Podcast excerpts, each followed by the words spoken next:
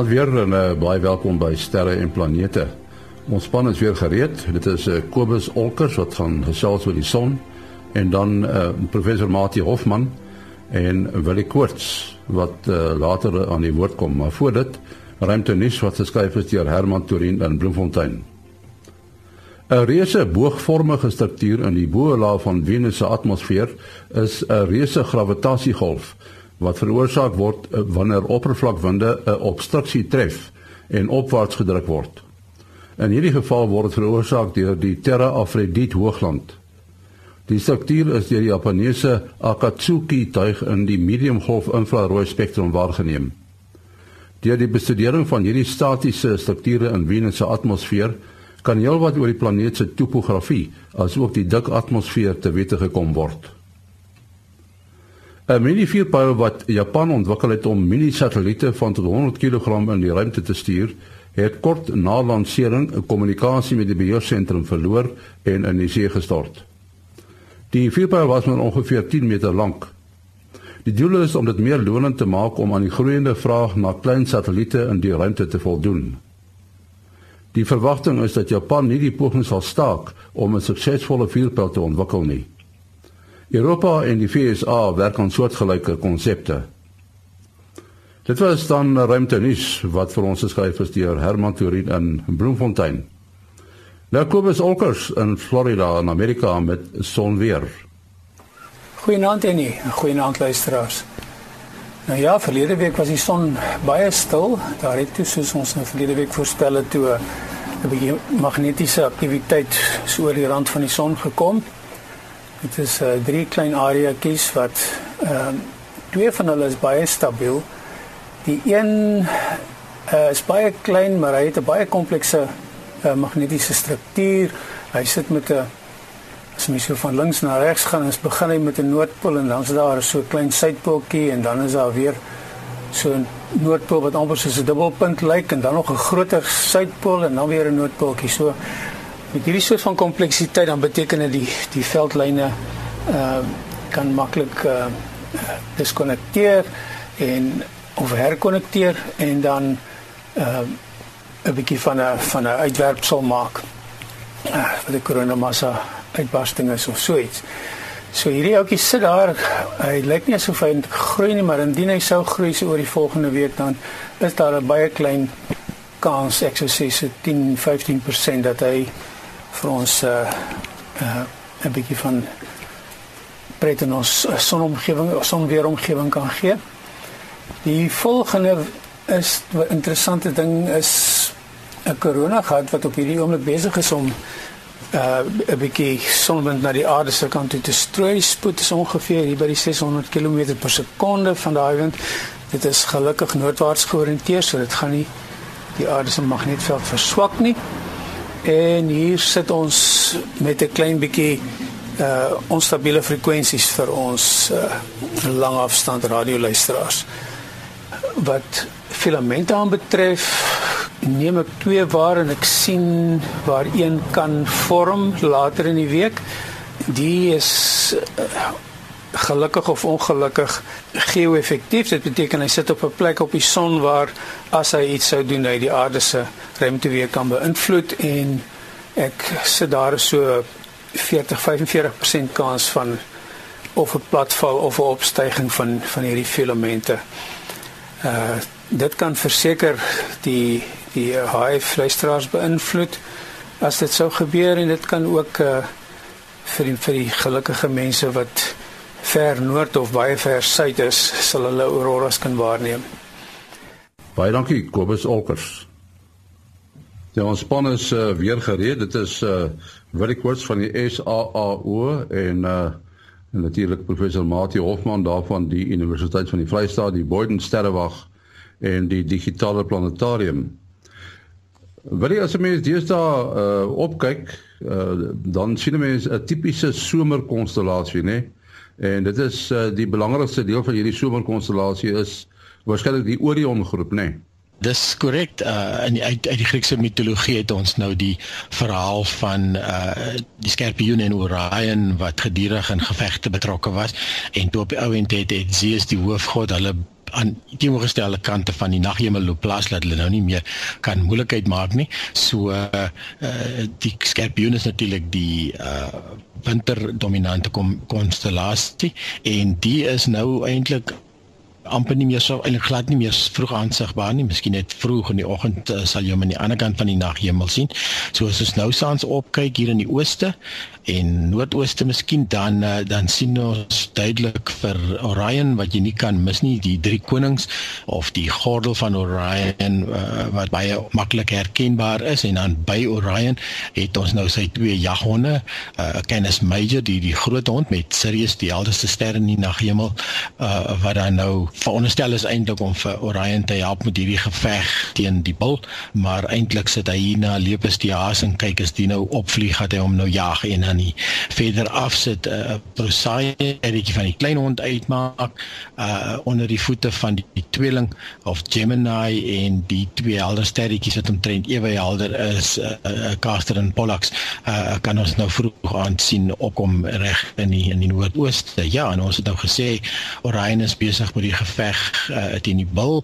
Uh die helderste ster in die bil is die Al is Aldebaran, die uh, rooi reus ster wat maklik is om te sien net so amper dieselfde kleur en amper dieselfde helderheid as Betelgeuse, Betelgeuse wat dan die die armwortel holte van die reus uitmaak en dan op die skof van die bil sit uh, die sewe susters of die Pleiades. Wil jy nou 'n klomp name daar genoem? En ek dink een van die groot probleme wat 'n mens het is om die goed wat hy beskryf die hond en al daai goed uh, te sien want jy moet 'n uh, baie sterk verbeelding hê om dit te sien hè. uh, ja, en dit is uh, baie waar. Uh, daar is enkele konstellasies wat nou regtig dit lyk soos wat die mitologie wil wil hê hulle moet lyk en Orion kom nou redelik naby aan 'n uh, man wat mens daar kan waarneem met die drie konings wat die beld verteenwoordig. Uh die hond is bietjie moeiliker En dan het ek nou al gesien my eie stokkiesfiguur wat ek daar kan uitmaak wat vir my soos 'n hond lyk, verskil van dit wat jy nou in die in die boeke kry. So duidelik is daar ook verskillende weergawe of dit wat jy dink jy kan sien steen oor een noodwendig met wat die mitologie daar gesien het. Die syde kruis lyk natuurlik soos 'n kruis en die skorpioen lyk soos 'n skorpioen. Uh, as jy nou by die tweeling kom, dan sien jy maar net die twee koppe, Castor en Pollux wat nou in die, die noordooste is uh, uh, vroeg aand. En as jy by die bil kom, dan sien jy net maar net die kop. En as mens tevrede as jy die so V-vormige groepie sterretjies of vir 'n ander deel van die jaar 'n A-vormige groepie sterretjies as hy nou omgedraai het, as jy daai groepie sterretjies sien, nie te ver van die uh, sewe susters susters nie, sewe susters vang ons mense ook as dit 'n mooi oop aand is en dan in daardie V-vormige groepie sterretjies wat nou die uh, kop van die bil verteenwoordig uh die rooi oog wat dan nou wat die uh, Willina uh verwys het. Nou om dit so bietjie makliker te maak om die goed te uh, voorwerpe en sterre te kry. Ehm um, het ek nou gekyk as mens nou 10 uur die aand vat wat nou sê nou amper slapenstyd is vir die uh, die meeste uh, mense dan sit hierdie groep sterre die drie konings uh, Sirius en Canopus onthou Sirius en Canopus is die twee helderste sterre en dan die sterre van Orion wat er er er, er Rigel en uh, Betelgeuse en die drie konings insluit. Hulle sit dan baie naby aan die noord-suidlyn, die meridiaan, of net wes daarvan of net uh, net oos. So 10 uur die aand, dan kyk jy hoog op, so half of reg bo jou kop waar jy Sirius gaan vind en bietjie suid gaan jy Canopus vind. En wat my nou altyd interesseer is, ja, jy kyk na die sterre, jy sal graag hulle name wil uh wil ken. Uh en hierdie hierdie name kom 'n ver pad. Hierdie sterre het 'n groot rol gespeel in die in die geskiedenis van die vroeë beskawings as met of uit by gelowige oogpunt onder die ons van die helderste sterre praat, Sirius of Canopus dikwels aanbid, maar as merkers van die seisoene het hulle 'n groot rol gespeel. Die die Kodas het selfs 'n maand gehad wat vernoem is na Canopus. So hulle het 'n groot rol gespeel om die uh seisoene te kan volg. Dit is geassosieer uh, Canopus byvoorbeeld, dis nou die tyd wat die vliee en die muskiete gaan kom. Ehm um, weet ek so so as jy weer Canopus agter die son kan sien verskyn in die suidelike suidelike Afrika, dan raak dit nou 'n uh, somer. So dit is nou maar seker die rede dat die reentyd kom. Uh so vir die landbou was dit nou uh belangrik geweest. Ek wou sê uh, as ek nou sterre aanhou en en uh, mense vra waar dan kyk jy of hoe vind ek 'n uh, ster of 'n groep? Dan is een van die uh, oulike maniere wat ek uitgevind het is as jy nou die drie konings neem en jy trek 'n uh, lyn reg oos, dan kom jy altyd by Sirius uit. Dit is 'n uh, uh, uh, baie maklike merker. Nou as jy die uh, die skynsterre vat, die groepe wat swaal skuins wegloop van die uh, van die drie konings waarin daardie uh, Orion nevel is en jy verleng hom dan kom jy altyd by Canopus uit. Ja, dit lyk jy op my sterkaart of jy inderdaad uh inderdaad reg is. Dit jou baie en uh, soos ek nou gesê het 10 hierdie aand dan lê die twee helderste sterre nou baie naby aan die uh noord-suidlyn en dan is Venus nou onder. Kyk, Venus is heelwat helderder as hulle, maar Venus is uh, teen 10 hierdie aand onder teen 8 hierdie aand. So net na ons program dan sit Venus nou nog daar bo die westelike horison maar mens raak gou gewoon daaraan die idee dat dit is nie 'n ster nie, dit is hy staan heeltemal bo selfs die helderste sterre uit. Want kyk net na die sterre soek die helderste, dan as jy by Sirius en Canopus. Uh Sirius is nou een van die naaste sterre op so net onder die 9 ligjare. Wat interessant is, uh hy's ongeveer, wel is baie baie helderder uh as ons uh son en hy het 'n maatjie, 'n dwerg wat op uh dit amper so groot soos die sonnestelsel is, so op die buitewyke van die sonnestelsel uh rondom uh, Sirius wentel. Wat my nou interesseer wat ek onlangs nou eers gelees het is dat Sirius nie altyd die helderste ster was nie en in die afsienbare toekoms, nou nie in menslike ons eie geskiedenis nie, ook nie meer die helderste gaan wees nie. Weet oor amper 500 000 jaar gaan Canopus weer die helderste ster wees want hierdie voorwerpe beweeg in die ruimte. En Sirius het ook maar in die uh relatief resente tyd wat die sterrekunde se tyd skaal betref helderder as uh, Sirius ag as Canopus geword. Maar ons sal dit nou nie in ons lewenstyd uh agterkom nie behalwe as jy baie akkuraat te metings kan uitvoer. Ja, baie uh, interessant die die sogenaamde drie konings is hulle nie min of meer dieselfde afstand van ons af nie. So min of meer. Uh ja, as ek gou gou hier moet stellarium mense wat natuurlik enigstens belangstel in sterrekunde en nog nie vir hulle self stellarium afgelei het nie stellarium.org is hier die webtuiste uh en daar's ongelooflike klompie inligting. So as ons dan nou kyk na die drie konings, die eerste een se naam was Mintaka wat aan die linkerkant lê. Um ja, so 900 uh, ligjaar dan die middelste een al nie lam 1900 ja so dis amper dubbel die lengte die die afstand. En al die tak die regter een is weer 800 so ja so behalwe die middelste een is die ander is die ander tweetjies ehm um, so so min of meer op dieselfde as afstand. Ja iets anders wat Martin nou ook gesê het van uh, Sirius wat net so oor die 8 ligjaar of 9 ligjaar amper is. Ehm um, die tweede helderste ster in die naghemel is Canopus waarvan ons nou net gepraat het. En soos jy sê Canopus kry jy deur net die swart van Orion te verleng. Ehm um, en Canopus is wel die tweede helderste ster, maar hy's 300 ligjaar. So dit wys net vir jou dat die ster self moet natuurlik ongelooflik helder wees. Uh, uh en dan 'n ster soos Rigel wat nou die die voet van die reus is is is is 'n omgewing van 800 ligjaar.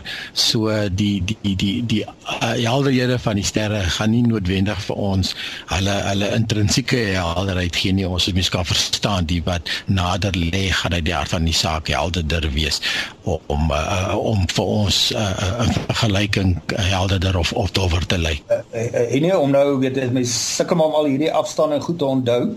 As mens nou afrond en jy sê die drie konings is in die orde van 1000 ligjare of 'n bietjie minder of 'n bietjie meer, so is in elk geval naby aan 1000 ligjare en hulle helderheid is in die omgewing van 100 000 maal meer as die van die son.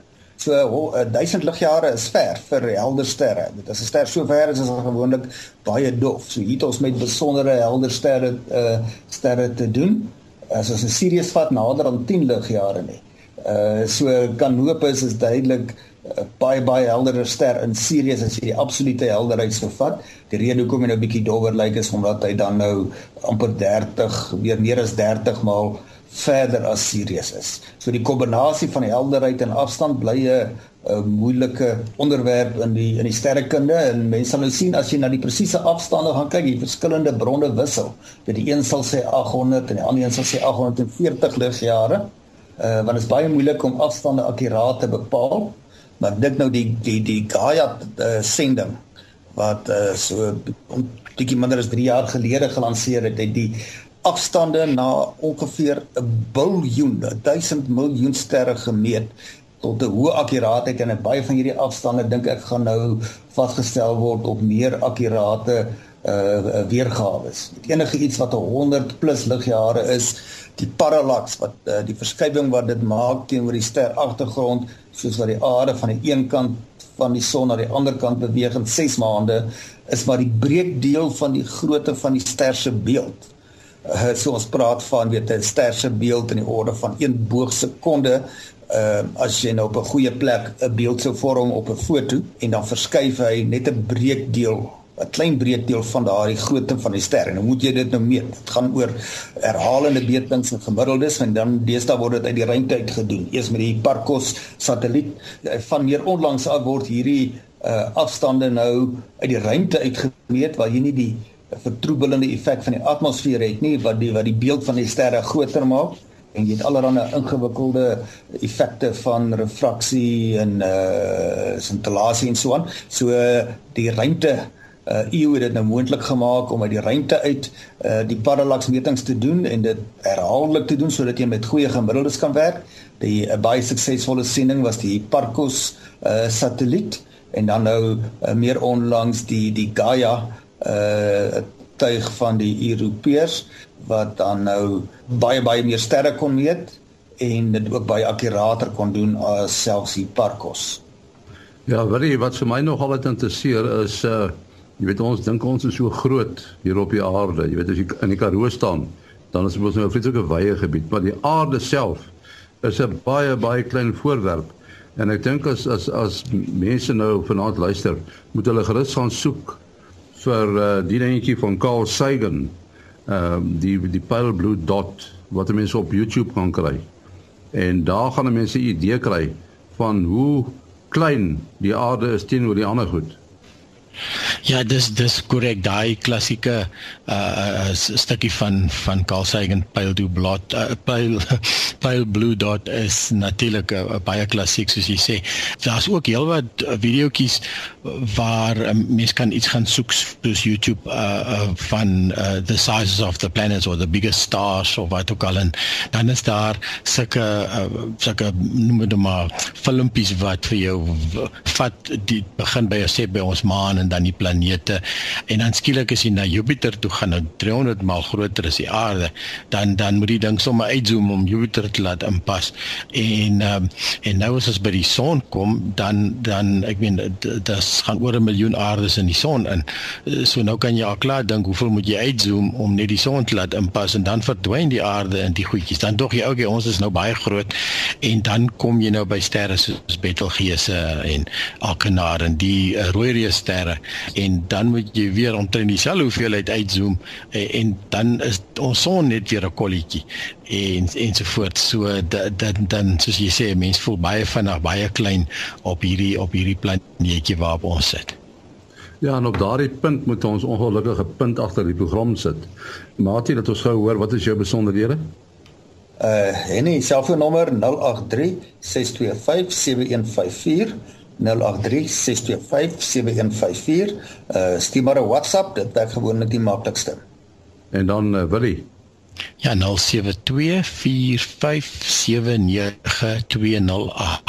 0724579208. En my e-posadres maas.henny@gmail.com. maas.henny@gmail.com. Volgende week kan ons weer saam. Tot dan. Mooi loop.